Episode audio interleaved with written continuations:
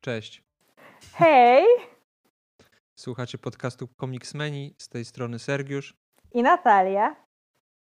I dzisiaj, zanim zaczniemy, musimy się pochwalić. Ach, tak, a jest czym? Jest czym. Jest czym. E, w jednym z numerów Nowej Fantastyki, jeszcze nie wiemy w którym, będziemy cytowani jako źródło, o czym poinformował nas nasz słuchacz Łukasz, który, jak sam się przedstawił, e, jest historykiem zajmującym się dziejami Azji i ich popularyzacją, chyba jej popularyzacją na łamach prasy popularno-naukowej. E, I poinformował nas, że mm, wykorzystał komiksmenów do tekstu, który niebawem pojawi się w tym piśmie. E, ale żeby było ciekawiej, zaczął rozmowę od bardzo interesującej rzeczy, której nie wiem dlaczego nie poruszyliśmy w odcinku o Fantastycznej Czwórce. Mianowicie, czy Mister Fantastic może manipulować swoim fiutem. Jestem w szoku, że na to nie wpadłeś. Naprawdę No właśnie, no, ja, ja też. No po prostu jest to chyba dla mnie oczywiste, że tak. Albo w sumie ja z Hulkiem bardzo często miałam takie rozkminy. Że w sensie z Bruce'em Bannerem, bo pamiętam jak był e, jakiś program, jak, e, akcja promocyjna, oni chyba wtedy promowali in, e, Infinity War albo Czas Ultrona. I właśnie padło pytanie, że jakie jest najgorsze miejsce, gdzie można zmienić się w Hulka. I właśnie Chris Hemsworth wskazał sypialnia. To prawda. No może się źle skończyć. E, A w każdym razie no, zapraszamy do. e, Pewnie poinformujemy Was, kiedy już będziemy wiedzieć, który to jest dokładnie numer e, i dowiecie się wszystkiego. I sobie możecie wtedy sprawić nową fantastykę z komiksmenami w środku. I oczywiście pozdrawiamy serdecznie naszego kochanego słuchacza, który jak widać Tak. jest na tyle na scenie, że postanowił wykorzystać nas jako źródło. Dziękujemy bardzo za docenienie. I teraz przechodzimy chyba do głównego tematu dzisiejszego odcinka, żeby nie przedłużać. Dokładnie. Tak się składa, że ten rok i prawdopodobnie kolejne lata, o ile przeżyjemy, bo pandemia nadal szaleje, nigdy nic nie wiadomo. Ja niedługo kończę 33 lata. To mogę skończyć jak Jezus. o Jezus Maria. O masz Jezus Maria. E, No ale tak się składa, że ostatnio są e, różne okrągłe rocznice. Dzisiaj jest, e, znaczy dzisiaj, no nie dzisiaj, ale w styczniu przypada oko- okrągła rocznica 60-lecia postaci Antmana, a konkretnie Hanka Pyma. W związku z czym postanowiliśmy omówić sobie dwa komiksy, w których ta postać zadebiutowała. W jednym jako Hank Pym, a w drugim jako Antman. A więc, co mam przedstawić A swoje więc? wrażenia? No, możesz Pracy domowej? Kolejny komiks sprzed 60 lat. Komiks, który mógł być twoim dziadkiem. Jakkolwiek by to nie brzmiało. No ogólnie rzecz biorąc, podobał mi się. Może nie podobał mi się aż tak wizualnie, jak podoba mi się Fantastyczna Czwórka, ale właśnie to moje pytanie, bo oczywiście znowu Mhm. nie pamiętam liczb. Yy, które jest starsze, które jest młodsze? W sensie, który komiks? Tak, Mi się bo... wydaje, że oba są z tego samego roku, czyli z 61.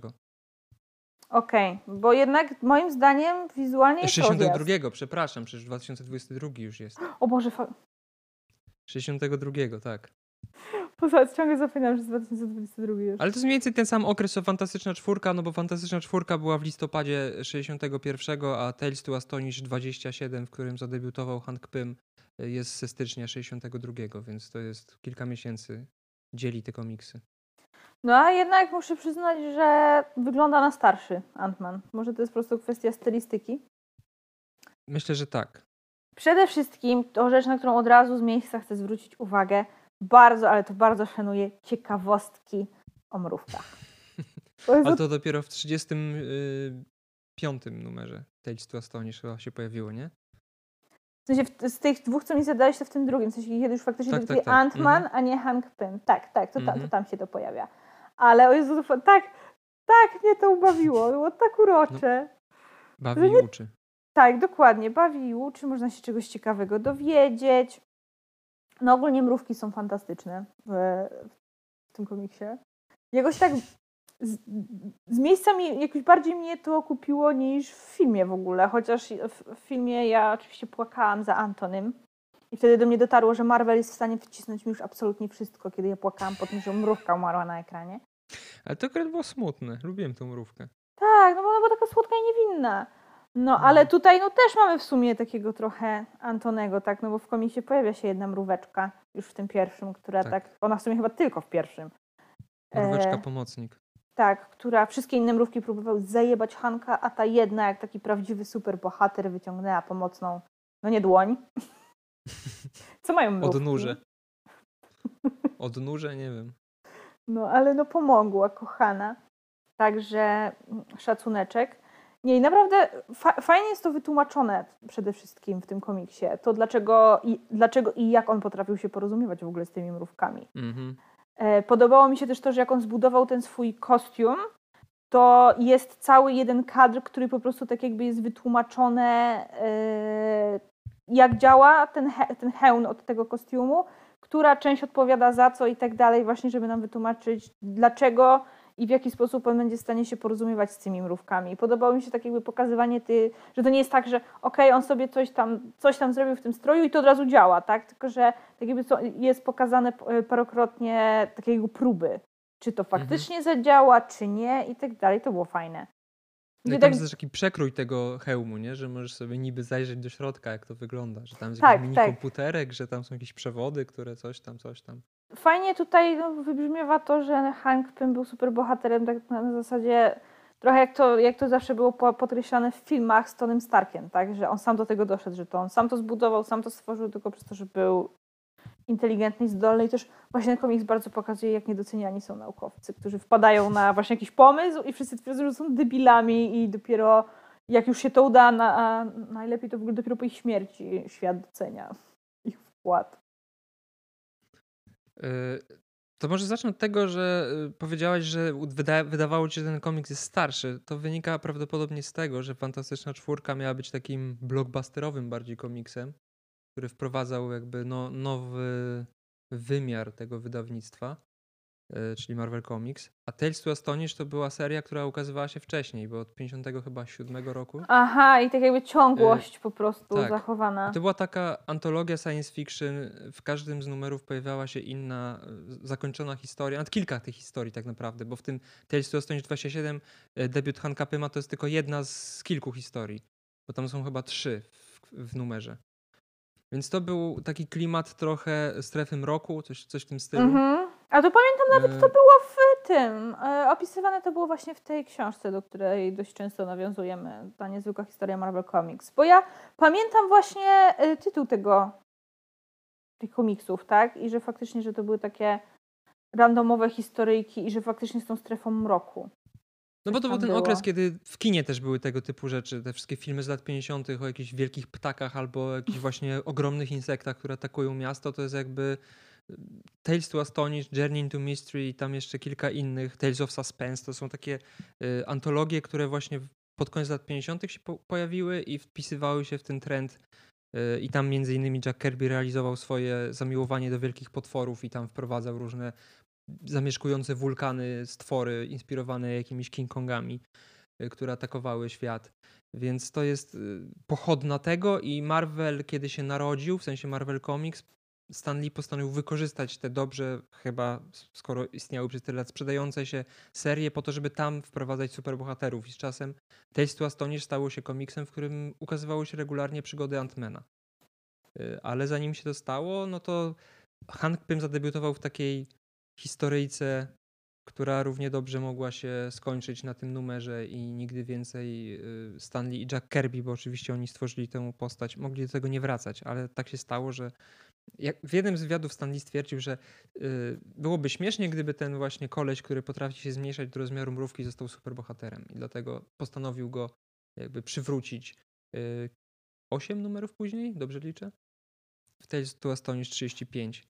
Mm, A cała historia zatytu- zatytułowana The Man in the Anthill nie jest zbyt skomplikowana, bo pokazuje po prostu e, niedocenionego, tak jak wspomniałaś, naukowca, który wynalazł serum zmniejszające, e, które miało służyć wielu różnym rzeczom, między innymi e, zmniejszeniu e, produktów, które można przewozić, dzięki czemu ludzkość mogłaby zaoszczędzić na kosztach transportu. Nie tylko produktów, bo przede wszystkim tak jakby to jest w ogóle przy, nie, przykład, który jest przywołany w komiksie, to są żołnierze. Ludzie. Jedzenie też jest. Jest najpierw jedzenie, a później, że żołnierze właśnie. Bo jakby to, To mi jakoś mi zapadli- wojny, więc Tak, mi, no, oczywiście no, zimna wojna bardzo wybrzmiewa przecież tutaj. Tylko w tym właśnie już w tym drugim numerze. tak, tak.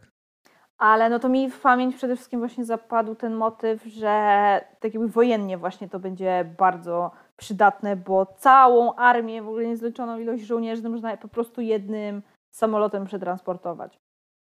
I to No, w sensie good point, tak? Naprawdę, ma to sens. dokładnie. Chociaż wolałbym, żeby tak to nie wyglądało. Niech w to jedzenie idą, ale nie w, zmniejszanie żołnierzy. A ty do czego byś wykorzystała takie serum? Nie chcę mówić przy ludziach. Okej. No Do szpiegowania, do szpiegowania. Świetnie możesz, świetnie możesz wszystko podsłuchać, bo nikt cię nie widzi. No, to prawda. No, To prawda. Nie wiem, wynoszenia czasami rzeczy, na które mnie nie stać. No to ja No niestety. Takie... Ja już dawno temu pogodziłam się z faktem, że gdybym była postacią fikcyjną, a moje życie byłoby filmem lub serialem, to zdecydowanie byłabym złoczyńcą. Ja chyba też. Znaczy może nie złoczyńcą, raczej Byłeś jakimś, sze- takim shady y, boha- y, charakterem, w sensie tak ni to nie do końca dobry, ale też nie do końca zły i tak dalej. Ja najbardziej bym chciał mieć taką moc, jak ma profesor X, czyli zajebistą telepatię, bo mógłbym e, po prostu manipulować umysłami ludzi, którzy nie powinni moim zdaniem istnieć na świecie. A to ja właśnie kiedyś się zastanawiałam, jaką supermoc najbardziej bym chciała mieć. I już nawet skupiając się stricte na postaciach z Marvela, to właśnie ja chyba nie chciałabym mieć takiego profesora X, bo z jednej strony albo bym właśnie za bardzo wykorzystywała tą moc i tak jakby trochę życie traci jej smaczek przez to, że wszystko jesteś w stanie kontrolować, a z drugiej strony jakbym nie była w stanie tego, jakbym tego nie robiła, to bym miała wyrzuty sumienia, że takie mam moc, a jej nie wykorzystuję. Tak no, trochę jak druid w Eternasa. Mm. Ja, ja bym tylko, no zmanipulowałbym tam na przykład, nie wiem, y, Jeffa Bezosa, żeby mi oddał trochę pieniędzy, albo wszystkie pieniądze. Ja bym je wtedy rozdysponował pomiędzy ludzi, którzy potrzebują sobie, oczywiście też trochę zostawił, tak żeby już nie musieć pracować i nic nie, niczym się nie przejmować. Y, No, no, mógłbym też kilku polityków się pozbyć. Oj, polityków to też nie bym się niektórych pozbyła. Wiem, czego bym się pozbyła. Albo raczej co bym zrobiła na nowo. Zmanipulowałabym włodarzy. Nie wiem, czy potrzebowałabym Warnera, czy tylko, wystarczyłoby mi tylko HBO. Nie znam się na tych całych strukturach, ale błagam, nakręćcie mi dwa ostatnie sezony Gry od nowa. I tym razem dobrze. Mogłabyś wymazać ludziom w ogóle, którzy Pamięć są fanami. y, O, tak, ust- o siódmym i albo wszczepić, sezonie. wszczepić fałszywe, inform, y, fałszywe wspomnienia na temat tych sezonów. Takie, które im się podobało. To jest podobały. genialne. To jest genialne. No. Nie, ale ogólnie rzecz biorąc, wracając już tak stricte do mocy, no to ja oczywiście standardowo, to nie będzie zaskoczenie, no moc Wandy. Największa, największe pole manewru. diabeł stary. Tak, zawsze chciałam być wiedźmą. Niek- niektóre kobiety są wiedźmami. Ja jestem wiedźmą tylko na, nawet- zas- na zasadzie usposobienia, a nie umiejętności. Ja podczas pandemii miałem, ma, mam sąsiadkę, która chyba była wiedźmą, bo musiałem słuchać przez kilka tygodni non-stop jakichś dziwnych okrzyków, które brzmiały jak zaklęcia. Nie wiem, co to było. Czy to jest ta, pory. którą, którą nagrałeś? Tak, tak. Cicho. Wytniemy albo wydurujemy. Nie, no, jeszcze, cię, jeszcze się okaże, że nas słuchajcie zaskarży. nie wie, co I co, nagrałem. ja sama komiksmenów będę nagrywać? Nie, spierdla będziesz nagrywał. nie chcę. Jak trafię do pierda, to popełnię samobójstwo.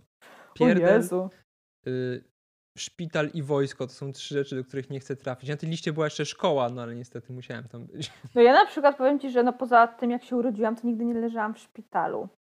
Ja na szczęście też jeszcze nie. Ale ja pamiętam, zdradzę Ci, że jak byłam dzieckiem, to jedną z takich moich największych fobii było to, że albo zostanę właśnie yy, fałszywie oskarżona, albo po prostu tak jakby popełnię jakiś głupi błąd, ale on się źle skończy i pójdę do więzienia. Ja się tego tak panicznie bałam. Dlatego poszłaś na prawo, Dlatego poszłam na prawo. No. żeby móc się wybronić. No ale wracając do Antmana, Właśnie, Yy, wróćmy do tematu. jeszcze do tej mocy. Ja bym wykorzystał akurat jego moc do bardziej nerdowskich rzeczy, po prostu zmniejszałbym sobie przedmioty do skali 1.12 yy, i nie musiałbym się pierdolić z robieniem mebelków do dioram z jakichś balsy i pianek, tylko po prostu miałbym gotowy przedmiot w odpowiedniej wielkości. Y, ale jedna rzecz jest, która mnie tutaj zastanawia a propos Hanka Pyma i tej mocy. No bo wszystko fajnie. Y, załóżmy, że faktycznie taka mikstura może istnieć, zmniejsza, y, łamiąc wszystkie prawa fizyki, przedmioty i co, co, co gorsza organizmy żywe do rozmiarów insektów, czy tam dowolnych rozmiarów. Nie wiem w sumie. To chyba nie zostało określone. To, do, do, bo krzesło zmniejszyło się właśnie do takiego krzesełka dziecięcego, a Hank Pym, który przetestował serum na sobie, zmniejszył się do wielkości owada i nie, nie zostało powiedziane dlaczego, od czego to zależy. Tak, znaczy ja to tak bardziej rozumiałam, że z, uwagi na to, że to jest tak jakby jego, to są jego pierwsze próby, że on nie do końca to kontrolował i to była po prostu kwestia przypadku. No, prawdopodobnie tak, bo w sumie ci wszyscy superbohaterowie z początków Marvela to właśnie jakby przypadek rządzi ich życiem i decyduje o tym, że stają superbohaterami, ale wracając do tego, co mówiłem, chodziło mi o to, że dlaczego ta fiolka się nie zmniejsza? O Boże, faktycznie. to jest bez sensu. Jak produkować taki płyn? No tak, słuchaj. Czy on dopiero to... po kontakcie z jakimś przedmiotem, które nie jest szkłem, yy, gdzie zaczyna działać? Szkło jest uodpornione na ten proces? Pięknie wjeżdż, zaczynasz wjeżdżać na peryferia tematu, o którym ostatnio dyskutowaliśmy, czyli czepiania się logiki w, produkcjach superbohaterskich. Ja muszę, ale ja no muszę się tak, przyczepić do, do jednej rzeczy w tym no. komiksie. Że tak jakby ten komiks jest, tak jakby no, załóżmy już, tak jakbym traktowała te dwa zeszyty jako jeden komiks, no bo one są ze sobą stricte połączone. One są fajnym debiutem Antmana, ale mhm. bardzo słabym Hanka Pyma. W sensie my się, poza tym, że Hank jest niedocenionym naukowcem, to my się o nim absolutnie niczego nie dowiadujemy. No, On jest tak się dowiadujemy płaską jednak. postacią dla mnie tutaj. Znaczy, no pamiętaj, że to że jest ten pierwszy zeszyt yy, to jest jakby podejrzewam, że nie było w planach ciągnięcia tego, więc nie było też sensu rozbudowywania postaci, której historia miała się zamykać na ilu stronach? Siedmiu? Bo tyle ma ten, ta historia przecież. Więc z tego prawdopodobnie powodu. A w kolejnym numerze, no to wiesz, to, to, był początek tak naprawdę i w kolejnych numerach Hank Pym nabierał charakteru. Ale jest, jest tutaj kilka cech, które potem się, które potem zostały rozbudowane, bo na przykład jak jest ta scena, w której grono naukowców wyśmiewa go, że w kółko wymyśla jakieś idiotyczne pomysły, które nie mają żadnego praktycznego zastosowania, no to widać jego taką, taką ambicję, która później się przerodzi w coś, y, coś smutnego. Ale o tym może kiedy indziej będziemy. Czy właśnie po prostu chodzi o to, że tak jakby ja Hanka Pyma tam, no po pierwsze kojarzę już mniej więcej z tych komiksów, które do tej pory mówiliśmy, bo on przecież gdzieś tam się pojawiał, tak? No na przykład w komiksie o Star Foxie był. No tak. E, no ja tak no mniej więcej, tu gdzieś coś tam widziałam, poczytałam, tu jakieś komentarze po prostu ludzi i tak dalej. E, no, Hank Pym jest taką bardzo charakterystyczną i taką bardzo charakterną postacią. I on mhm. w sumie tak jakby już e, rozdzielając bohaterów od ich super zdolności i bycia super bohaterami, to faktycznie on był jedną z tych postaci, które w komiksach mnie ciekawiły najbardziej. I tutaj dlatego może, i może to jest kwestia tego, że miałam trochę wysokie oczekiwania co do jego debiutu, tak? Że tak jakby od razu to będzie ten Hank, którego ja chciałam poznać, którego ja chciałam, o którym chciałam poczytać, a tutaj dostaję znowu ładnego blond włosego kolesia. Ale jakby ja odnoszę wrażenie, że oni wyglądają chyba tak samo. Tak, to e... prawda. Ale zauważyłaś na okładce tego debiutu Hanka Pyma, on ma brązowe włosy? Zauważyłam. Ale już nie chciałam o to czepiać. A później ma takie, no jak Johnny Bravo, tak? Żół, żółto-blond. No, Steve Rogers, Thor, y, Hank Pym, Hawkeye. No właśnie on mi Hawkeye'a najbardziej przypomina. Oni wszyscy wyglądają tak samo. tak, mają takie i... same fryzury. Tylko, że właśnie no, na przykład porównując de e, debiut e, Hanka Pyma do debiutu Clint'a Bartona, no to u Clinta jednak już widać było jakiś tam jego charakter i tak dalej, że jakoś tak dobrze była zarysowana ta postać. A tutaj jest mhm. tak jakby mdła. Ona jest taką mhm. białą kartką po prostu. No ale jak y, Clint Barton debiutował, to już uniwersum Marvela miało chyba ze dwa czy trzy lata i też już można było sadzić w jakimś kontekście tę postać, a tak naprawdę tutaj to jest dosłownie trzy komiksy się ukazały, y, które dopiero zaczynały tworzyć uniwersum, więc też ciężko było to jakoś wpasować, bo Stan Lee raczej na bieżąco tworzył tę historię, nie miał jakiegoś zamysłu na kolejne lata, żeby, nie wiem, co się później wydarzy, nie, nie, przewi nie przewidywał tego, raczej to wszystko było y, spontanicznie No, budowane. wychodziło w praniu. No. Tak, i dopiero kolejni twórcy, bazując na tych starych komiksach, wyciągali jakieś takie elementy, żeby później to wpasować w portret cha- charakterologicznej postaci. Na przykład to, że właśnie podczas tej rozmowy z tymi naukowcami on tak reaguje, jak reaguje, czyli sprzeciwia się i mówi, nie chuja się znacie, zobaczycie, ja wam zrobię tak zajebisty wynalazek, że się obsracie na różowo, no to później skutkowało między innymi zbudowaniem Ultrona, bo to też był, była podobna, podobny, mm, sobie postawił podobne zadanie. A no Więc- tak, faktycznie, bo przecież w komiksach to Hank zbudował Ultrona. No a później te, te cechy charakteru sprawiły, że wpadł w kompleksy względem Janet, która była nie liderką Avengers chyba, y, to jeszcze y, odnosiła sukcesy na różnych polach, biznesowym między innymi, bo stała się chyba projektantką mody, o ile dobrze pamiętam. I ogólnie była bardzo rozchwytywana przez media, stała się taką celebrytką, a on był zawsze w jej cieniu, więc y, popadł w depresję, co skończyło się żonobijstwem. Więc y, no, taka trochę mroczna jest to postać. I jakby to, moim zdaniem, to jest tutaj już gdzieś tam. Jeżeli się zna tą historię dalej, to można jakby... No właśnie, tak, jakby jak się zna historię, to jesteś w stanie tak jakby za, prze, przedstawić, lalalala, nie mogę się powiedzieć, przeprowadzić taką projekcję tego, co będzie później na to, co jest Tak. teraz. A tak jakby no ja nie znając do końca, tak jakby znając tylko ogół mniej więcej charakterologiczny Hanka, no to jednak byłam w stanie zwrócić uwagę na to, że no to tutaj nie wybrzmiewa kompletnie. No nie, nie, no bo jak, tak jak mówię, no to dopiero został dopisany po, po wielu latach, więc tak naprawdę w tym komiksie to na pewno nie miało mieć takich konsekwencji, jakie miało. To po prostu miała być kolejna postać, która y, bierze udział w jakichś dziwnych przygodach z jakichś palpowych historii science fiction. Y, testuje specyfik na sobie, zmniejsza się do rozmiaru mrówki, y, jest jakiś w ogóle w szoku, nie wie co ma robić, więc co robi? Biegnie do mrowiska. Kto kurwa biega do mrowiska, jak jest wielkości mrówki? Ja bym się bał palec wsadzić w mrowisko, co dopiero tam wejść. No ale po różnych licznych atakach ze strony mrówek, tak jak wspomniałaś, pomogła mu jedna mrówka, która zaprowadziła go z powrotem do laboratorium, gdzie czekało serum zwiększające. Wrócił do swojej normalnej e, postaci i postanowił zniszczyć to serum, żeby. No, doszedł do wniosku, że ta historia go nauczyła, że nie warto eksperymentować z tak. Nie warto bawić się w Boga po prostu. I zniszczył te swoje. e, Zniszczył swój wynalazek. A później Ale nie zmienił do zdanie. końca. Potem zmienił zdanie, bo e, kilka miesięcy później, w tej Stonisz 35, powrócił. I się okazało, że jednak odtworzył swój, swoje serum. Ale trzeba mu przyznać, że jednak trochę, trochę popracował zanim to zrobił, tak? Przede wszystkim właśnie bardzo, zrobił bardzo porządny research, jeżeli chodzi o mrówki. Tak, zainteresował się bardzo Tak, to mu, trzeba. Tak, to mu trzeba przyznać, że tak jakby skupił się przede wszystkim nie tylko na ulepszeniu tego serum, żeby tak jakby znowu nie mieć wpadki, że halo, umrę tutaj e, i nikt nawet mnie nie zauważy i ktoś mnie zadepcze, e, co też tak jakby od razu pomyślał o tym, okej, jak już to zadziała, zmienię się w, w tego maluszka i tak dalej, to jak ja mam tam operować, jak sobie tam będę działał i tak dalej. To, no to pokazuje, że był po prostu mądry.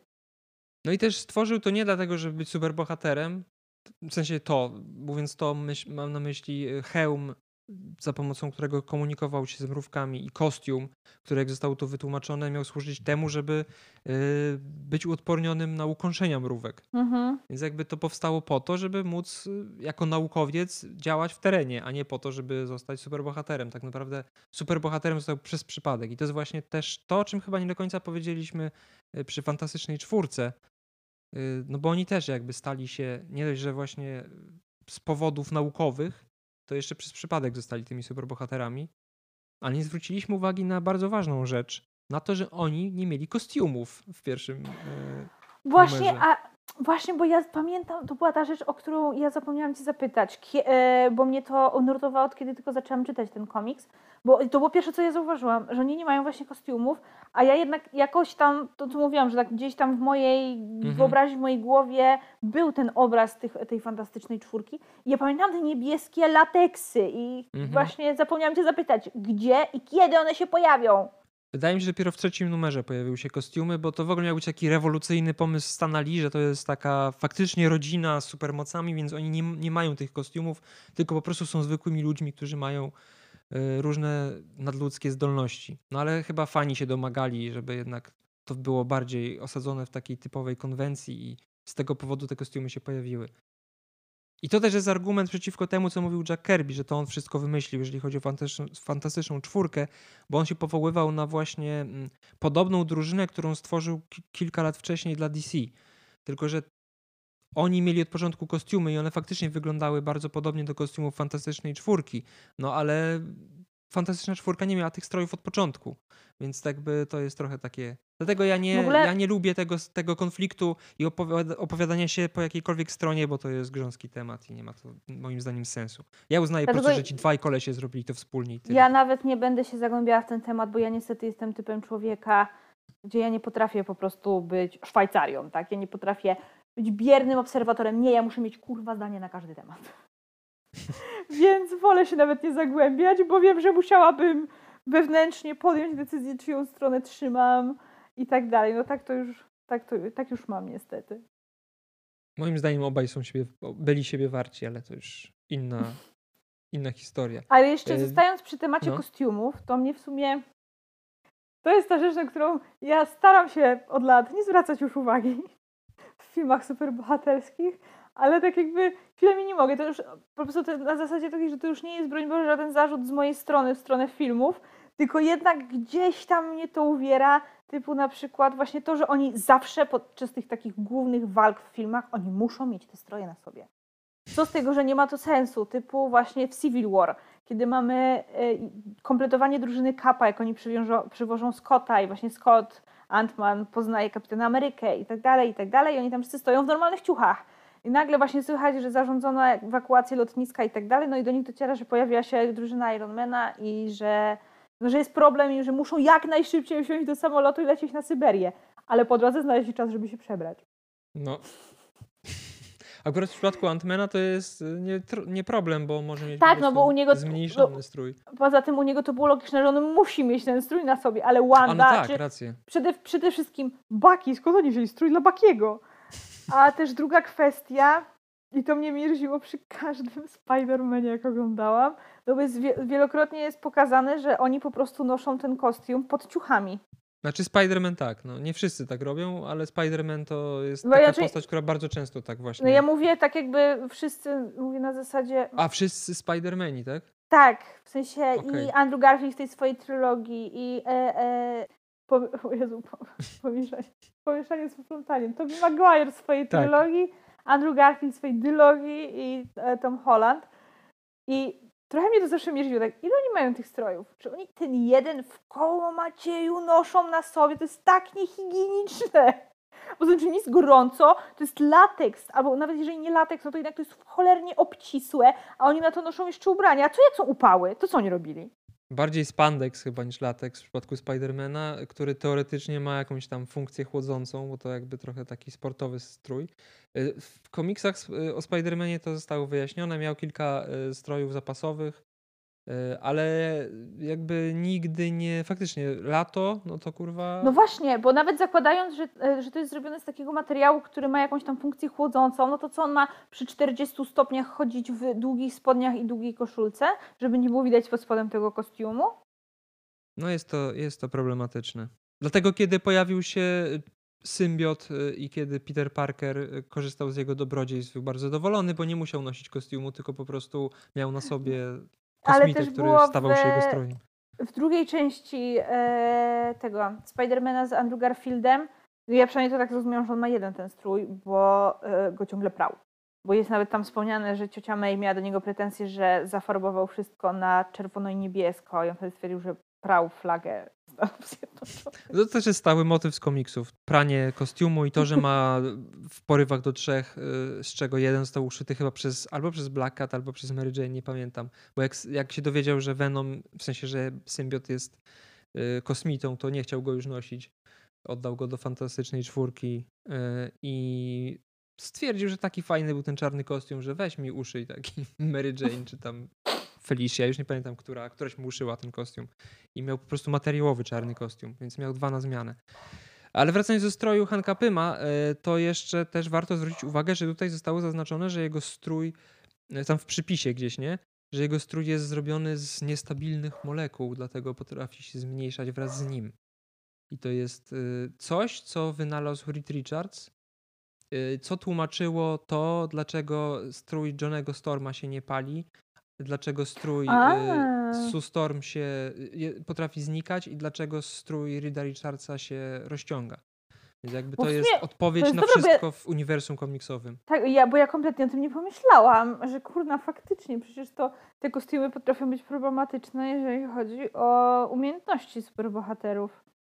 No i to też pomaga e, wytłumaczyć, dlaczego w jednej scenie na przykład Storm ma na sobie normalne ciuchy, a w kolejnej już ma kostium superbohaterski. Niestabilne molekuły tłumaczą to, po prostu aktywują się na mentalną komendę i kostium sam się pojawia. Okej, ja jestem w No. stanie to kupić. No, jest to jakieś wytłumaczenie dość sensowne. To, się- to się pojawiło dość szybko, bo chyba w jakimś właśnie, nie wiem czy nie w trzecim numerze Fantastycznej Czwórki, kiedy te kostiumy się e, po raz pierwszy zadebiutowały. E, No, a tutaj Ant-Man e, pracuje nad rządowym e, projektem stworzenia gazu anty e. Dobrze powiedziałem? Chyba tak. Mam problemy czasami z odmianą. E, I interesuje się tym obce mocarstwo. Zauważyłeś, że tutaj nie zostało wymienione, że to Związek Radziecki z nazwy? Tak, Tylko... znaczy, no później jest powiedziane, że komuniści, tak? Tak, tak. No, ko- komuniści- aczkolwiek jeszcze zanim to padło i było właśnie tylko to mocarstwo, no to tak, tak okej, dobra, wiadomo o kogo chodzi. Ale ciekawe jest to, że w sensie dlaczego ich nie wymienili stricte? Nie wiem, bo w innych komiksach to już było w ogóle bez żadnego Tak, że się nie problemu. patyczkowali kompletnie. Ciekawe. W każdym razie komuniści, y, czy tam przedstawiciele, jak w tym komiksie zostało określone, państwa po drugiej stronie świata, Tak, postanowili napaść to laboratorium, w którym e, Hank Pym wraz ze swoimi e, asystentami pracował nad tym gazem i ten gaz zabrać po to, żeby e, zastopować USA w konflikcie zbrojnym pomiędzy Związkiem Radzieckim a Stanami Zjednoczonymi. No i wtedy właśnie e, przypadek po raz kolejny sprawił, że Hank Pym postanowił wykorzystać swój wynalazek w innym celu niż e, został on stworzony i został, chcąc nie chcąc, superbohaterem. I właśnie to, to jest rzecz, która mnie zastanawiała strasznie. Do, czy, przepraszam, no bo ci komuniści weszli i oni przecież związali tych wszystkich jego asystentów. A on Mhm. sobie tak po prostu randomowo przeszedł do innego pokoju. Na Nie, on spokojnie był w innym przebrał. pokoju. On jakby był w swoim A. gabinecie, wiedział co się dzieje, bo zobaczył przez okno. A, dobra, czyli ja źle Tak. zrozumiałam. Dobra, to I ja oni coś źle dopiero do niego jakby szli. I jak weszli, okazało się, że go nie ma, bo on się zmniejszył i za pomocą popielniczki, gumki, recepturki i nitki. To było zajebiste. To muszę przyznać, że to było zajebiste. Jeszcze podobał mi się jego komentarz, że jeździł na różnych rollercoasterach w tych w Luna Parkach, ale to przebije wszystko.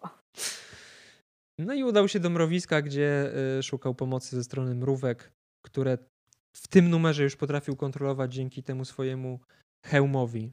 I tu właśnie się pojawiają te różne ciekawostki na temat mrówek, że tam Tak, i też e, rozbawiła mnie jedna kwestia, bo właśnie on tak się skupiał na mrówkach, jakby one były jedynymi insektami, z którymi będzie miał do czynienia. I tu niespodzianka, pojawia się złoczyńca, znaczy złoczyńca, bardziej na zasadzie przeszkoda, pan Żuk. Tak, pan Żółk, którego pokonał w dość pomysłowy sposób, Tak. wtrącając go do dziury. E, I to też jest y, ważna rzecz, bo Ant-Man, tak jak wspomniałaś, nie ma żadnej supermocy poza swoją, swoim intelektem. No i oczywiście pomijając tą sztuczną supermoc, czyli zmienianie się za pomocą, mm, za pomocą te, tego serum. To też jest y, ciekawe, że najpierw to było serum, później to był gaz. I dopiero po jakimś czasie, y, nie pamiętam już kto, być może Stanley, może inny scenarzysta, nazwał to konkretnie, czyli cząsteczki Pyma. Bo tak to chyba też w MCU funkcjonuje. Tak, tak, cząsteczki pyma. Więc jakby to niezależnie od y, stanu skupienia y, można było to, można było tego używać. Y, Ale ważne jest to, że on, będąc tym malutkim człowiekiem, potrafi, y, znaczy potrafi, zachowuje siłę Siłę. dorosłego mężczyzny. Więc to jest fajne i to chyba też jest w filmach, nie? Właśnie ja o to miałam zapytać, bo nie pamiętam szczerze powiedziawszy. Wydaje mi się, że tak. Wydaje mi się, że tak. Ja nie przy... Właśnie ja sobie nie przypominam ani jednej sceny, w której Scott byłby jakiś wyjątkowo silny. To raczej nie chodzi Ale o sumie- wyjątkową sił- silność, tylko raczej o mały rozmiar, a tą samą siłę, którą się ma w dużym Znaczy nie no, ale chodzi o to, że tak jakby jak widzieliśmy go z perspektywy właśnie takiego małego, to tak jakby nie, nie, nie jestem w stanie sobie przypomnieć żadnej konkretnej sceny, w której było widać, że tak jakby jego siła była większa niż rozmiary. A nie było czegoś takiego, że rozmiarów. Nie, przepraszam, nie było czegoś takiego, że obezwładnił jakiegoś gościa z pistoletem? A w sumie Jakoś tam go Falcona, złapał? Falcona przecież nawet A, no właśnie. No to w sumie to by miało sens. Więc chyba jest podobnie. Yy, No, no i jakby żółk zostaje pokonany, mrówki zostają yy, przez niego kontrolowane. Czy w sumie tak naprawdę poproszone o pomoc. Tak, Bo to nie że jest taki on dopiero władczy koniec- pan, pod kolonizator. koniec już tak, pod koniec komiksu już tak, bo pamiętam, że mi się to nie spodobało. Takie Hank, to są twoi przyjaciele, oni ci pomagają, przestań ich traktować jak swoją własność i swoich niewolników. Bo on nagle właśnie, że jest władcą mrówek, który on będzie kontrolował i tak dalej, a wcześniej to było na zasadzie ej ziomy, pomożecie? No ale widzisz, tutaj wychodzą po prostu te złe cechy charakteru Hanka Pyma. Ale dzięki mrówkom udało się pokonać tych radzieckich szpiegów. Różne w ogóle rodzaje mrówek tutaj się włączyły do tej walki, bo były mrówki miodowe, które zakleiły pistolet, jakieś Tak, to było, czerwone to było mrówki, zajebiste z zaklejeniem które pistoletu. pokąsały, pokąsały tych pajaców. Je, mnie, jedna, mnie jedna rzecz zastanawiała, jak były te kadry, jak właśnie ci komuniści są gryzieni przez te mrówki, oni się tak rzucają i tak dalej. Ile mrówek zginęło podczas tej akcji i czy oddano im należyte No honory? No to jest pytanie, też o tym pomyślałem. Już na pewno zdeptali m- przynajmniej kilka, No pewnie tak, albo z- kilkadziesiąt. Ale no, jestem ciekawa, ile, ilu żołnierzy mrówkowych poległo podczas tej akcji? wojna to wojna. No ale Hankowi Pymowi udaje się rozwiązać swoich y, asystentów, którzy stwierdzili, że jak już ci agenci nie mają broni, to oni teraz im pokażą.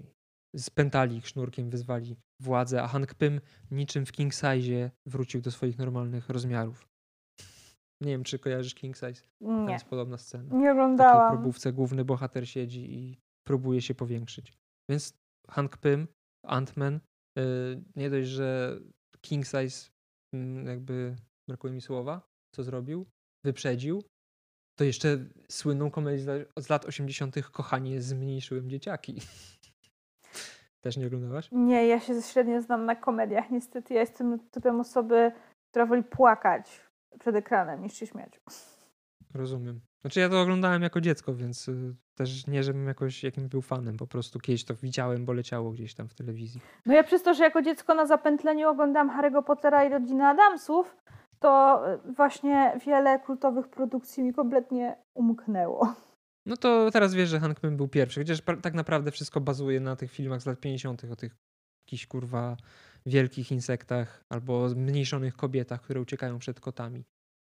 E, No, tak się kończy ta historia, komuniści są pokonani, Pym zostaje superbohaterem i zastanawia się w ostatnim kadrze, czy Ant-Man jeszcze kiedykolwiek powróci.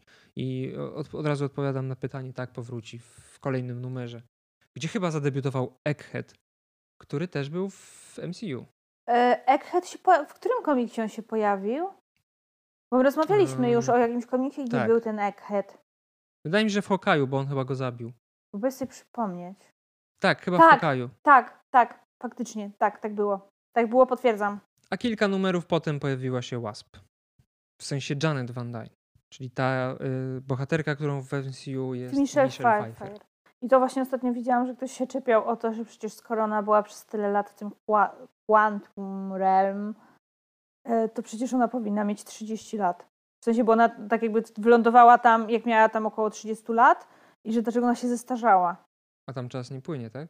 Właśnie ja nie pamiętam, jak to jest, że ten czas jest taki dosyć właśnie względny i tak dalej. I nie pamiętam konkretnie właśnie już takich konkretnych argumentów, ale pamiętam, że one były, zostały otwarte w komentarzach właśnie tym, że Mhm. to nie zawsze działa tak samo. Tak, że właśnie to Quantum Realm ma to do siebie, że w sumie tak, Avengersi przecież po to potrzebowali w Endgame, żeby Tony Stark opracował właśnie te stroje dla nich, całą tą machinę do podróży w czasie i tak dalej, żeby oni byli w stanie to kontrolować. Że to nie jest tak, że jak Scott właśnie wtedy utknął w tym Quantum Realm między Infinity War a Endgame i on wrócił i powiedział, że dla niego to było tam, nie pamiętam, czy to było 5 minut dla niego, czy 5 godzin, a na Ziemi to było 5 lat, to nie oznaczało, że jak oni teraz znowu się zmniejszą, to, to Mhm. ten czas będzie płynął dokładnie tak samo jak wtedy. Więc, że to faktycznie też było znowu przypierdzielanie się na siłę. No w sumie nikt nie powiedział dokładnie, jak działa to ten wymiar, więc Tak, i to jest na zasadzie każdy sobie trochę po swojemu interpretował.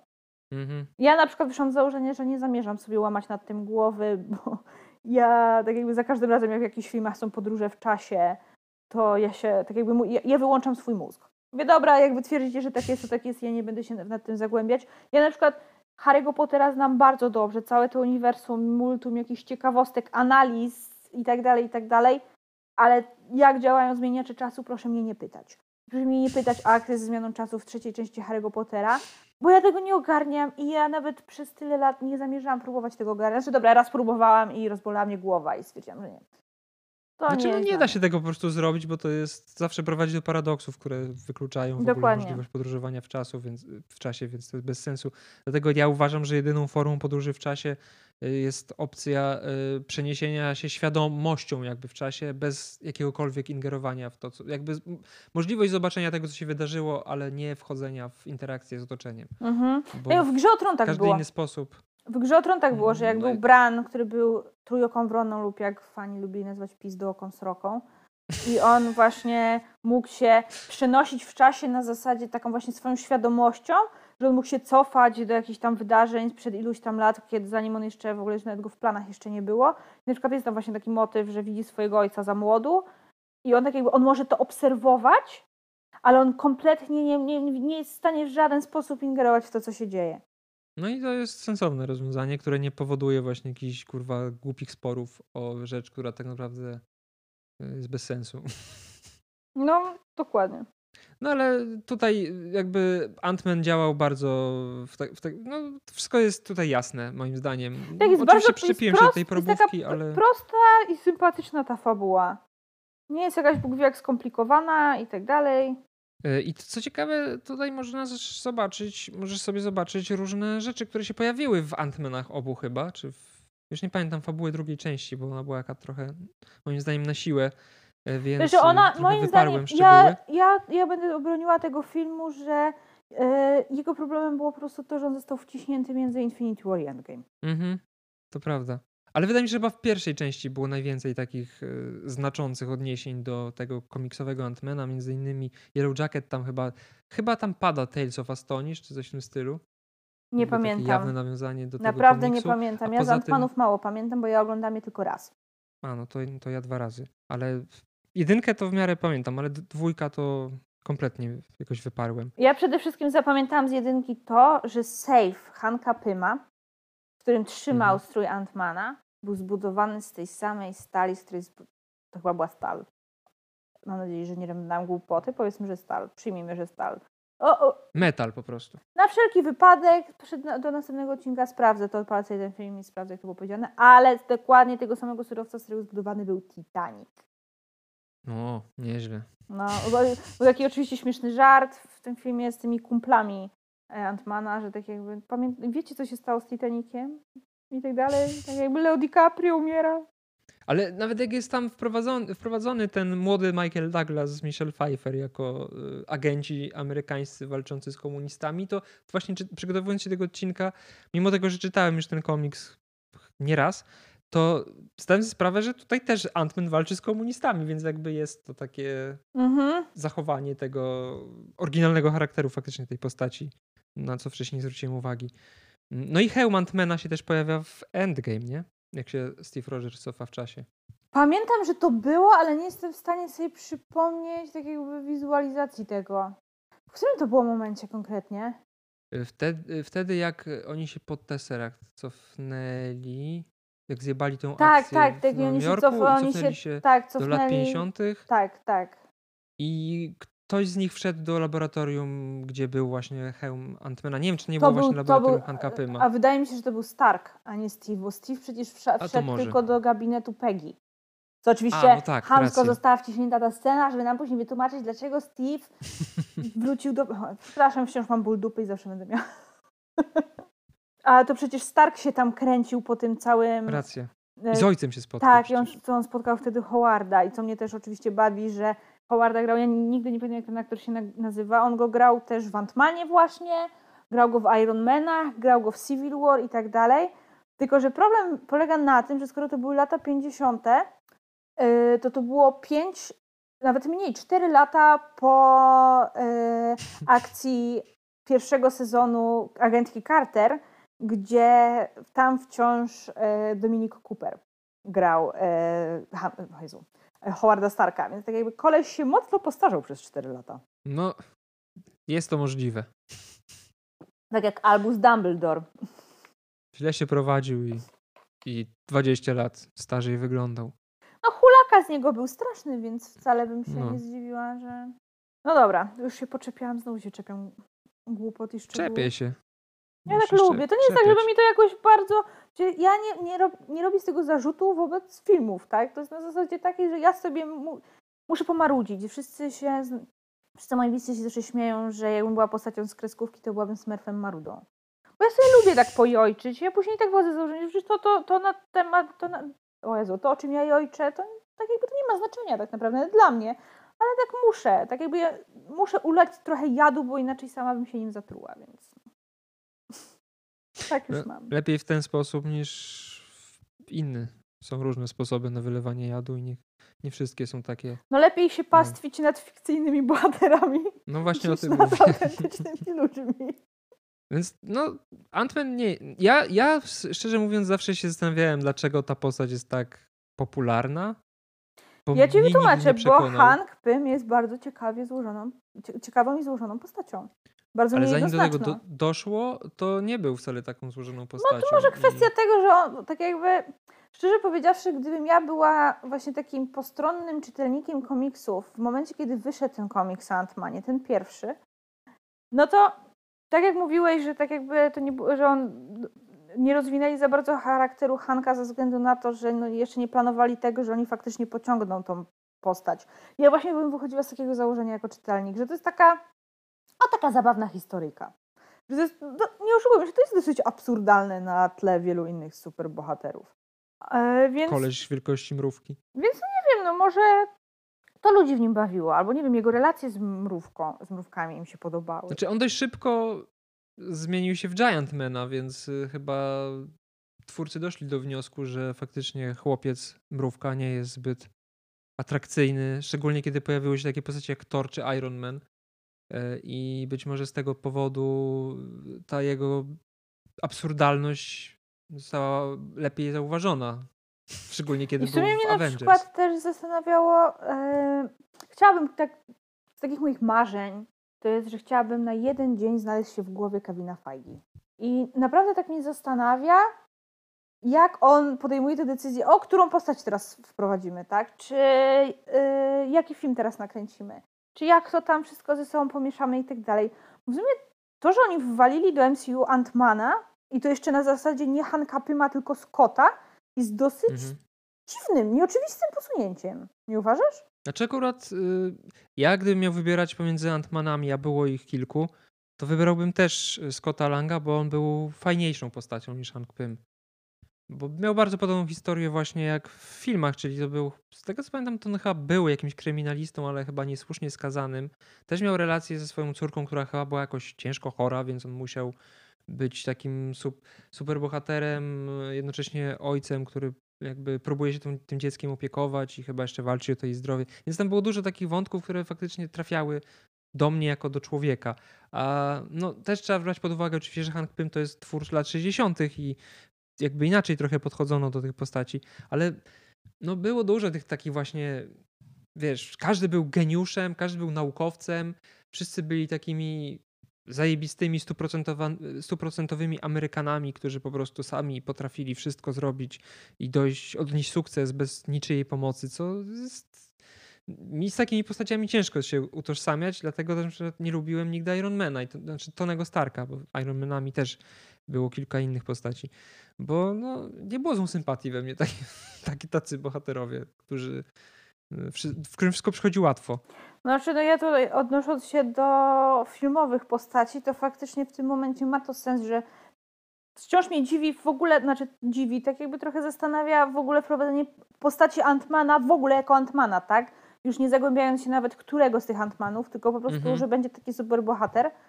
To wciąż mnie trochę intryguje, zwłaszcza, że to no, był taki, a nie inny etap. W tym momencie MCU jest na takim etapie, że oni mogliby nam wprowadzić, nie wiem, super bohatera, który jest stworem z- zrobiony, zrobionym z ludzkiego łajna i ludzie by to kupili. I tak jakby no, już wiemy, że tak jakby już jest takie zaufanie do Marvela i wiemy, że ma, co Marvel potrafi, że faktycznie ludzie by to kupili i oni mogliby wcisnąć nam w tym momencie wszystko, ale wtedy to jeszcze, to jeszcze czy to było jeszcze przed Civil War, to były takie początki w zasadzie.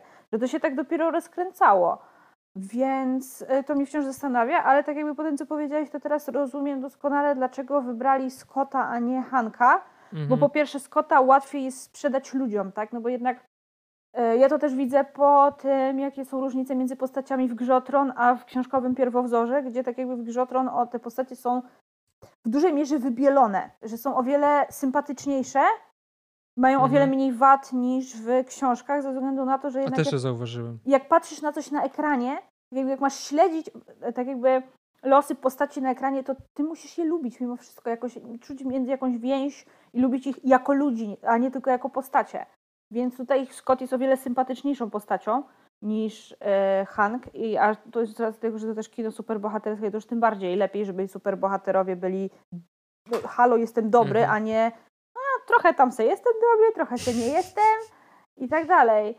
To bardziej już antybohaterowie wtedy. No, plus no, kwestia tego, że w MCU już mieliśmy Starka, mieliśmy Bannera, mieliśmy mhm. tego, no, Howarda Starka. Później jeszcze przecież pojawiła się Shuri, więc faktycznie trochę za dużo byłoby tych genialnych naukowców. Znaczy to też wynika z tego, że w latach 60. ten okres, kiedy ta nauka faktycznie poszła do przodu mocno, były te wszystkie loty w kosmos i inne komputery się poja zaczęły pojawiać. Y, co prawda wielkie jak y, mieszkania, no ale jakby ale wcześniej były. czegoś takiego nie było. Y, więc to jest ta nauka i znowu ten taki właśnie frankensteinowski motyw tego, że jak się za bardzo igra z pewnymi rzeczami, to może ci to wyjść na złe z jednej strony, a z drugiej strony stajesz się superbohaterem. No, to jest na... jakby odwrócenie tego motywu z Frankensteina. Spoj wystarczy spojrzeć na trylogię e, Raimiego Spidermana i to było to, co mi przeszkadzało początkowo w tych filmach, że właśnie ci złoczyńcy poza Sandmanem, okay, e, byli bardzo schematyczni, tak, że mhm. każdy był naukowcem i każdy z nich został e, złoczyńcą ze względu na to, że właśnie jakiś eksper- że trochę, trochę, trochę za bardzo no, trochę przeszarżował i w wyniku nieudanego eksperymentu czy wypadku stawał się nagle zły, tak? Tylko no akurat tutaj szapoba dla MCU, że ten, że oni fa fajnie to wykorzystali w No Way Home po prostu. Nie wiem, czy mamy jeszcze jakieś przemyślenia na temat Antmana, czy nie? Jakoś krótko, nie jestem przyzwyczajony do takich krótkich Bo ten komiks był bardzo krótki. To prawda, był króciutki. W sensie jeden miał 7 stron, drugi miał chyba z 14, więc... Właśnie ja sama byłam w szoku, że tak, halo, to już koniec? Już zdążyłam się wkręcić i o, i dziękujemy, do widzenia. Nie wiem, czy będziemy robić łasp, to będziesz miała dłuż, dłuższy debiut. A, to dobra, ale jeszcze zostając przy temacie Antmana, um, chciałabym cię zapytać o, o kwestię filmu, bo ja nie mam mhm. zielonego pojęcia, o czym ma być trzecia część, a mnie to bardzo ciekawi. Ja też nie wiem. Nie a. mam pojęcia. Też tym bardziej, że ten Kang ma być tam głównym złoczyńcą, co jest dla mnie dość dziwnym zestawieniem. W sensie Ant-Man i Wasp kontra Kang wydaje się, no tak. Nie wiem, czy ktoś im będzie pomagał po prostu. Nie wiem, nie mam pojęcia. No Podobno ja mam jednego Jacket. kandydata, który mógłby im pomagać, który tym, tak jakby jest, jest taki jeden bardzo ładny pan, mało sympatyczny czasami, ale bardzo ładny, z bardzo ładnym brytyjskim akcentem, który w zasadzie na ten moment to chyba o Kangu wie więcej niż ktokolwiek inny. No zobaczymy. Zobaczymy. Bo mnie właśnie zastanawia, bo tak jakby wiemy, że ma być drugi sezon Lokiego i ja mam nadzieję, że oni jednak nie zrobią tego na zasadzie takiej, że ten właśnie ten Loki będzie się tak funkcjonował oderwany od nich tylko w tym swoim serialu, tak? Tylko, że no, wydarzenia z pierwszego sezonu wpływają na całe MCU i to będzie ciągnięte przecież w filmach, no tak jak wiemy w trzecim Ant-Manie pojawi się Kang i tak dalej, no w Multiverse of Madness przecież pojawi się wątek multiversum, więc oni muszą do tego nawiązać, do tego co było w Lokim. Więc no dla mnie w tym momencie się prosi, żeby w każdej z tych produkcji pojawił się Loki. Może tak być, tym bardziej, że gdzieś tam widziałem już jakieś analizy koncept artów z y, drugiego Doktora Strange'a, gdzie, czy nawet nie koncept artów, tylko chyba zwiastuna, że jak jest ta scena, w której Wanda siedzi i tam medytuje wśród tych świeczek, to tam, czy, czy no nie wiem, któryś fragment z Wandą, to gdzieś tam w tle podobno jest ten portal z Lokiego, ten taki, wiesz, pomarańczowy prostokąt świetlisty. No powiem tak, ja byłabym w ciężkim szoku, gdyby Loki się nie pojawił w Strange'u. Ja nie mówię, że on ma odgrywać jakąś dużą rolę, tak? Ale no nie oszukujmy się, w tym momencie to my już doskonale wiemy, że Strange nie ogarnia. On kompletnie nie ogarnia tematu. Ja jestem kurwa tak zawiedziona. W tym momencie, tak jakby te wszystkie memy e, a propos WandaVision i Lokiego, się tak okropnie, śmiesznie się zestarzały, no bo tak jakby my wychodziliśmy, tak jakby jako fani, wychodziliśmy z założenia, że Strange będzie wściekły. Że mhm. i były te memy, no tak. jak zareaguje doktor Strange, jak się dowie, co na odpierdzielali Wanda i Loki. A tutaj nie dość, że już w pierwszym zwiastunie do, do, mamy w twarz tym, że w zasadzie to Strange'a gówno obchodzi Westview, to że w zasadzie ten Strange totalnie nie ogarnia i on nie, i to, to, nie jest tak, że on będzie tutaj tym takim tatą, który drze się na swoje dzieci, że na odpierdalały i teraz musi to posprzątać, tylko tak jakby, kurwa, co ja mam teraz zrobić, tak? No i w tym momencie, no nie oszukujmy się, skoro on już na tyle nie ogarnia, że poszedł do Wandy po pomoc, gdzie nie oszukujmy się, on Wandy nie znał. A tak jakby domyślam się po tym, jaki charakter ma Strange, e, to raczej nie miał zbyt dobrego podejścia do niej. Nie wiem, bo ja, ja po prostu chyba nie mam zbyt dobrego zdania na temat Strange'a i wychodzę z założenia, że on wszystkich traktuje z góry. Ale chyba już No Way Home pokazał, że za każdym razem jak coś o nim sądzę, to on robi dokładnie odwrotnie. yy, no, że nie, siłą rzeczy wyciągnięcie ręki do Lokiego ma sens. Tak jakby no, w, tym, w tym Chociaż... momencie Chociaż z drugiej strony my wiemy, tak, no. że Sol przeszedł Loki w swoim serialu i że on zna Kanga i tak dalej, no ale Strange tego nie wie. I więc teraz pytanie, czy to nie będzie tak, że okej, okay, Loki się do niego zgłosi, że halo, chce pomóc, bo Strange nie wie, że Loki teraz już jest w zasadzie dobry, tak, on jest po jasnej stronie mocy i że on to wszystko wie. I tak siłą rzeczy to chyba nie do końca powinien mu zaufać z miejsca. Ale no nie wiem, no zobaczymy. Też powinniśmy pamiętać, że prawdopodobnie w filmie będzie trzech doktorów Strange'ów. Tak, będzie ten z Kitą. Więc, y więc dwóch przeciwko złemu doktorowi Strange'owi i może Loki wtedy zbędny. No nie wiem, no zobaczymy. No. Ja, ja nie wiem nic na temat Antmana 3 kompletnie, oprócz tego, że tam Bill Murray ma się pojawić i podobno ma grać złoczyńcę kolejnego, więc gdzieś mi się wydaje, że potwierdzono, że Yellow Jacket ma powrócić, ma być ten Kanki jeszcze. To coś widziałam z, Yellow, z Yellow Jacketem to widziałam. Y, nie wiem, co się tam będzie działo. Nie, nie jestem w stanie na razie w tym momencie z tą wiedzą, którą posiadamy na temat MCU i przyszłości MCU wyobrazić, co tam się może wydarzyć. No ja tym bardziej. Przekonamy się. Mamy chyba ponad rok, półtora roku tak. chyba do premiery tak. Ant-Mana 3, więc jeszcze, jeszcze się możemy czegoś dowiedzieć, co może być znaczące. Jestem ciekawa, ale no, coraz bardziej mnie też ciekawi ten Strange. Ja już mam coraz większy mętli w głowie, jak myślę o tym filmie ale tak jakby szanuję za to, jak oni bardzo trzymają to w ryzach, żeby jak najmniej rzeczy powyciekało. Też szanuję ja w ogóle najchętniej to, tak jak mówiliśmy przy oczekiwaniach e, No Way Home, ja bym się nie obraził, gdyby w ogóle już zwiastunów żadnych nie, po, nie znaczy pokazywali. Znaczy, tak. Plakat mi wystarczy, e, data powiem, premiery. Powiem tak, i ja osobiście uważam, że MCU w tym momencie y, ma już taki status, że oni, oni nie muszą, przynajmniej do niektórych mhm. filmów. Ja rozumiem, że na przykład jak będzie film, który wprowadza nową postać, tak? Czy coś, yy, w sensie origin story jakiejś postaci. No, tak. no to ja rozumiem, no tutaj oczywiście muszą być trailery, żeby tak jakby zachęcić ludzi i tak jakby na, na, nakreślić im mniej więcej o, o co tu chodzi i że, i że powinno ich to obchodzić. Ale ja na przykład, szczerze powiedziawszy, bardzo żałuję, że No Way Home miało zwiastuny. Ja I też. że ja wiedziałam, że się pojawiają ci złoczyńcy bo tak. ten film by super zagrał, znaczy on i tak super zagrał, ale zagrałby jeszcze lepiej, gdybyśmy nie wiedzieli o nim absolutnie nic. Poza tym, że pojawi się, że pojawi się właśnie coś tam, właśnie może wątek multiversum, bo to i tak byśmy podejrzewali po tym, że ten film był już po Lokim. Ale no tak. absolutną ciszę na ten temat. Nic. Czy będą złoczyńcy? Czy będzie Doktor Strange? Nic, zero. Ja bym ocenił go na pewno wyżej, gdybym nic o nim nie wiedział właśnie. Bo jednak. Bo to zepsuło mi zabawę. Tak, bo prawda jest taka, że w tych filmach teraz dużą rolę gra właśnie element zaskoczenia. A oni często. Mhm. No to czasami wychodzi na dobre, czasami na złe, tak? No na przykład na złe wychodzi o twórcą Gry którzy na siłę chcieli nas szokować.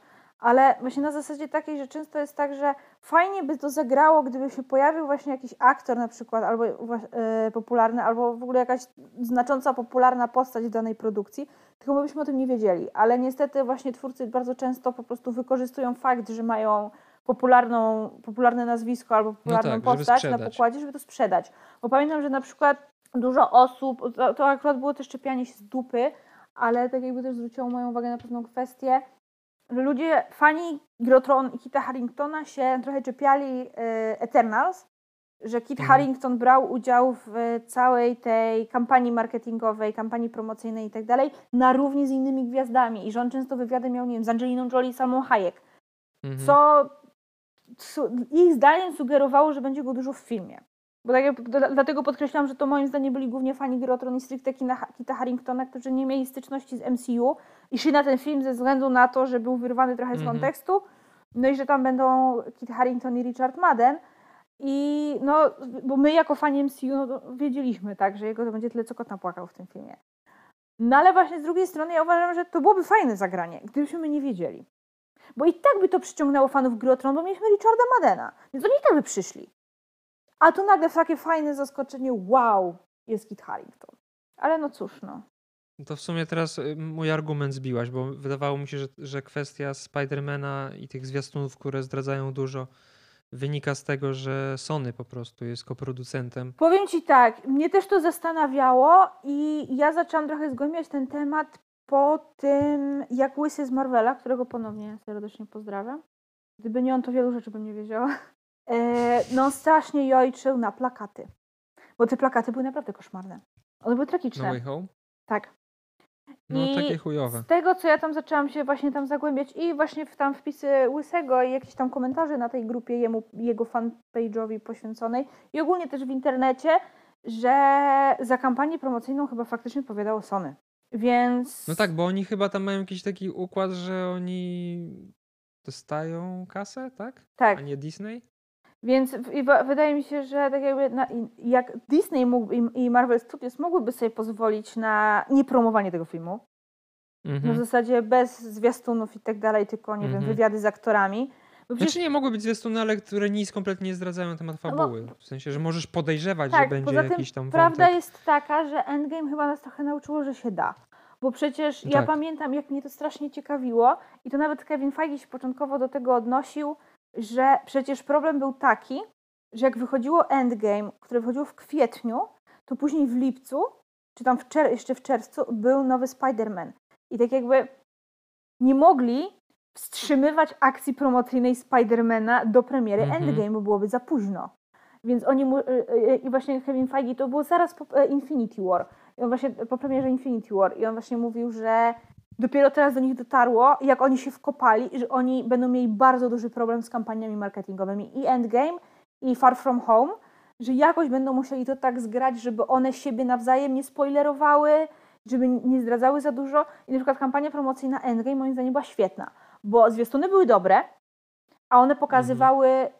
pierwszych Nic. kilka minut filmów, filmu, i to też oni się z tym nie kryli. Powiedzieli, że tak jakby nie pokażemy wam całego filmu, to jest tylko początek i tak dalej. Było trochę, były trochę mylące, tam były oczywiście też sceny, które ostatecznie się nie pojawiły mhm. i tak dalej. Na przykład e, totalnie sugerowały, że Thor będzie wyglądał tak, jak zawsze wyglądał. Tak? Bo tam były mhm. takie urywki, gdzie on tak. ma te krótkie włosy, jest taki umięśniony i tak dalej. I czegoś takiego kompletnie Nawet zabawki, które były wydane jako y, przynależne do Endgame sugerowały to, że Thor będzie wyglądał tak jak wyglądał i wyszła taka zabawka chyba z, z, z, po prostu z Torem z Infinity War. I dopiero później, wiele, wiele miesięcy po Endgame pojawił się ten gruby Thor.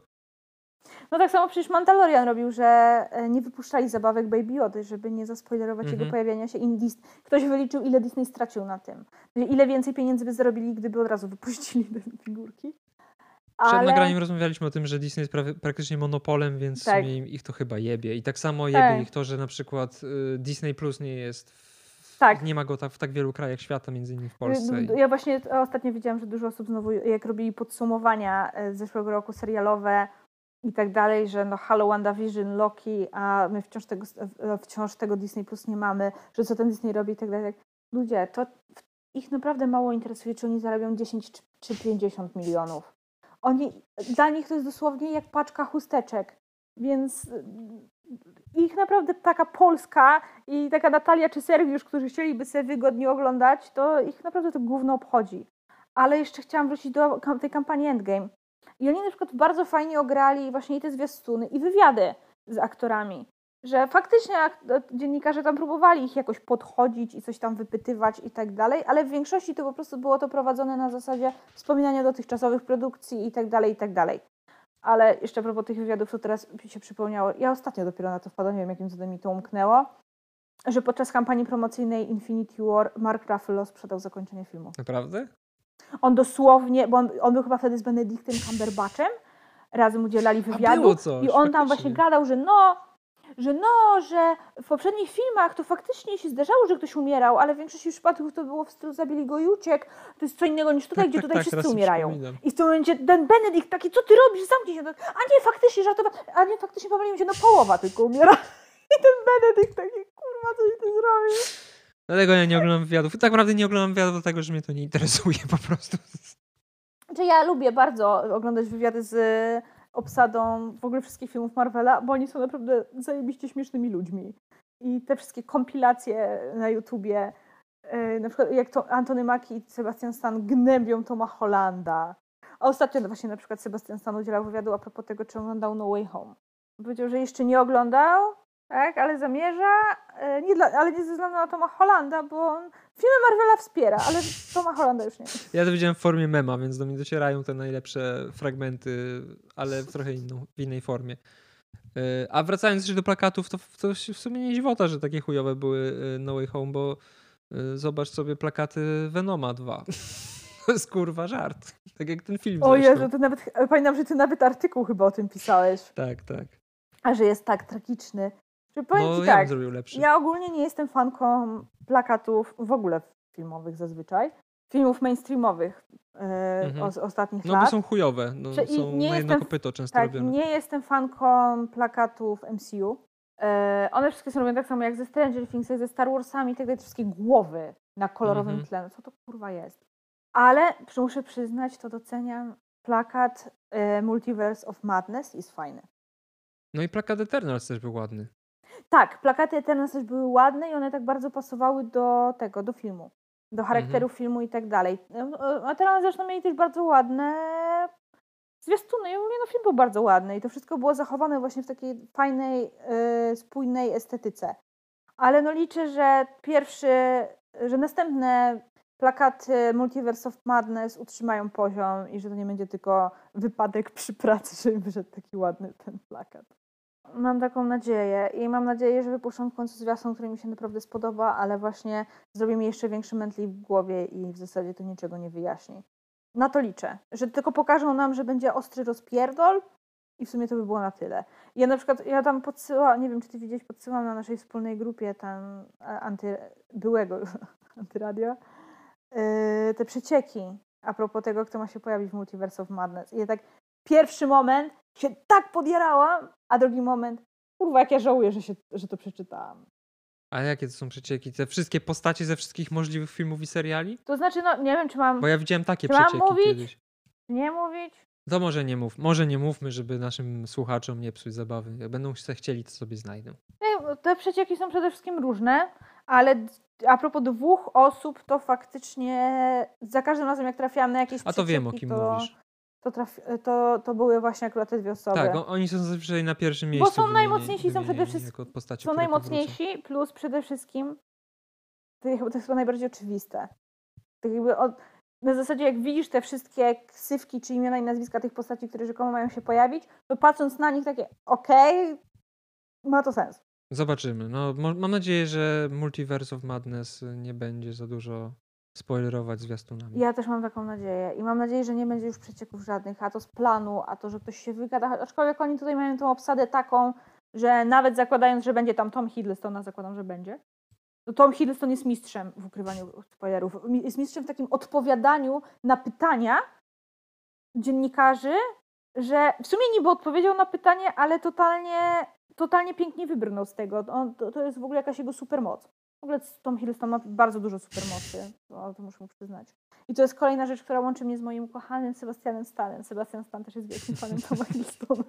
No i Elizabeth Olsen też jest osobą, przynajmniej ja zawsze odnosiłam takie wrażenie, że raczej się nie wygada, a Benedikt to on zawsze stał przecież na straży spoilerowania Toma Hollanda i Marka Ruffalo, więc w niego też wierzę.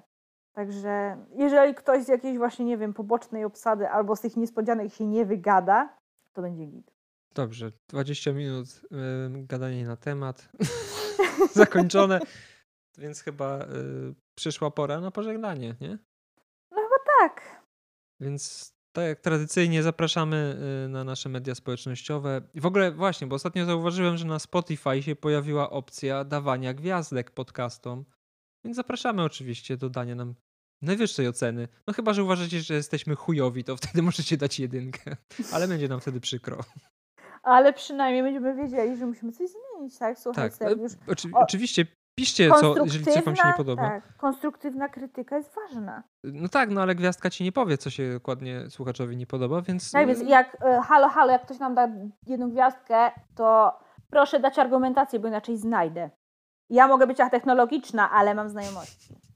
A jak Natalia zdobędzie moc zmniejszania się jak Ant-Man, to już macie przejebane. Dokładnie. E, A poza tym warto obserwować nas na e, Instagramie i Fejsiku, ponieważ tam, o tym zapominam wspominać w e, odcinkach, ale tam pojawiają się kadry z komiksów, więc możecie sobie uzupełnić to, o czym słuchacie, patrząc na obrazki, o których mówimy. Dokładnie. Pojawiają się też nasze zakulisowe fotki, więc możecie sobie zerknąć, jak wyglądamy, jak gadamy do was. I różne inne dziwne rzeczy. Między innymi e, ostatnio wrzuciłem e, stworzoną przez siebie grafikę figurki Marvel Legends Piotra Adamczyka. Która została doceniona bardzo. Między Tak, cieszę innymi się, właśnie cieszę przez się. pana Piotra. Między innymi. I pozostałych aktorów grających e, członków Tracksuit Mafia. Więc e, tak, to Dokładnie. mój, mój prywatny sukces. Moim, to są moje właśnie prywatne sukcesy, takie największe, z tego jestem najbardziej dumny. Są jeszcze dwa z czasów, kiedy pracowałem w Antyradiu. Kiedy e, jeden mój tekst polubił, tekst o klocuchu polubił klocuch na Twitterze, tekst o, Mark, e, o Marku Hamilu polubił Mark Hamil.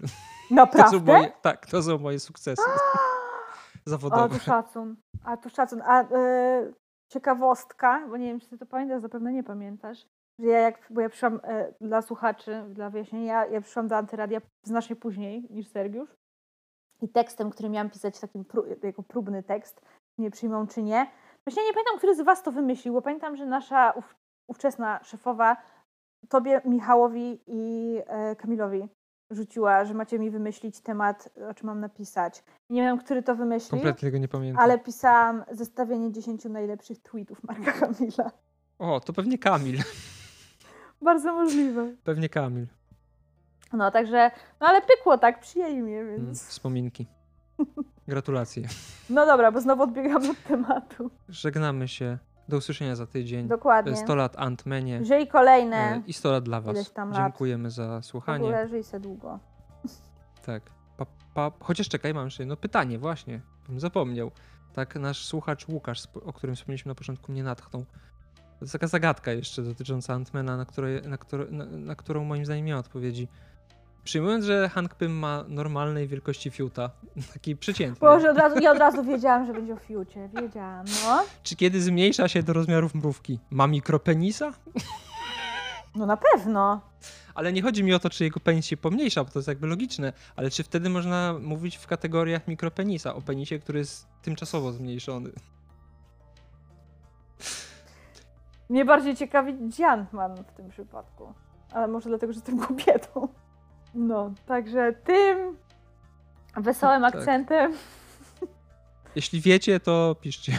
Tak, jeżeli macie jakieś ciekawe teorie, albo podparte jakimiś, nie wiem, badaniami. Doświadczeniami. O, No, doświad- doświadczenia w sumie najbardziej by mnie ciekawiły.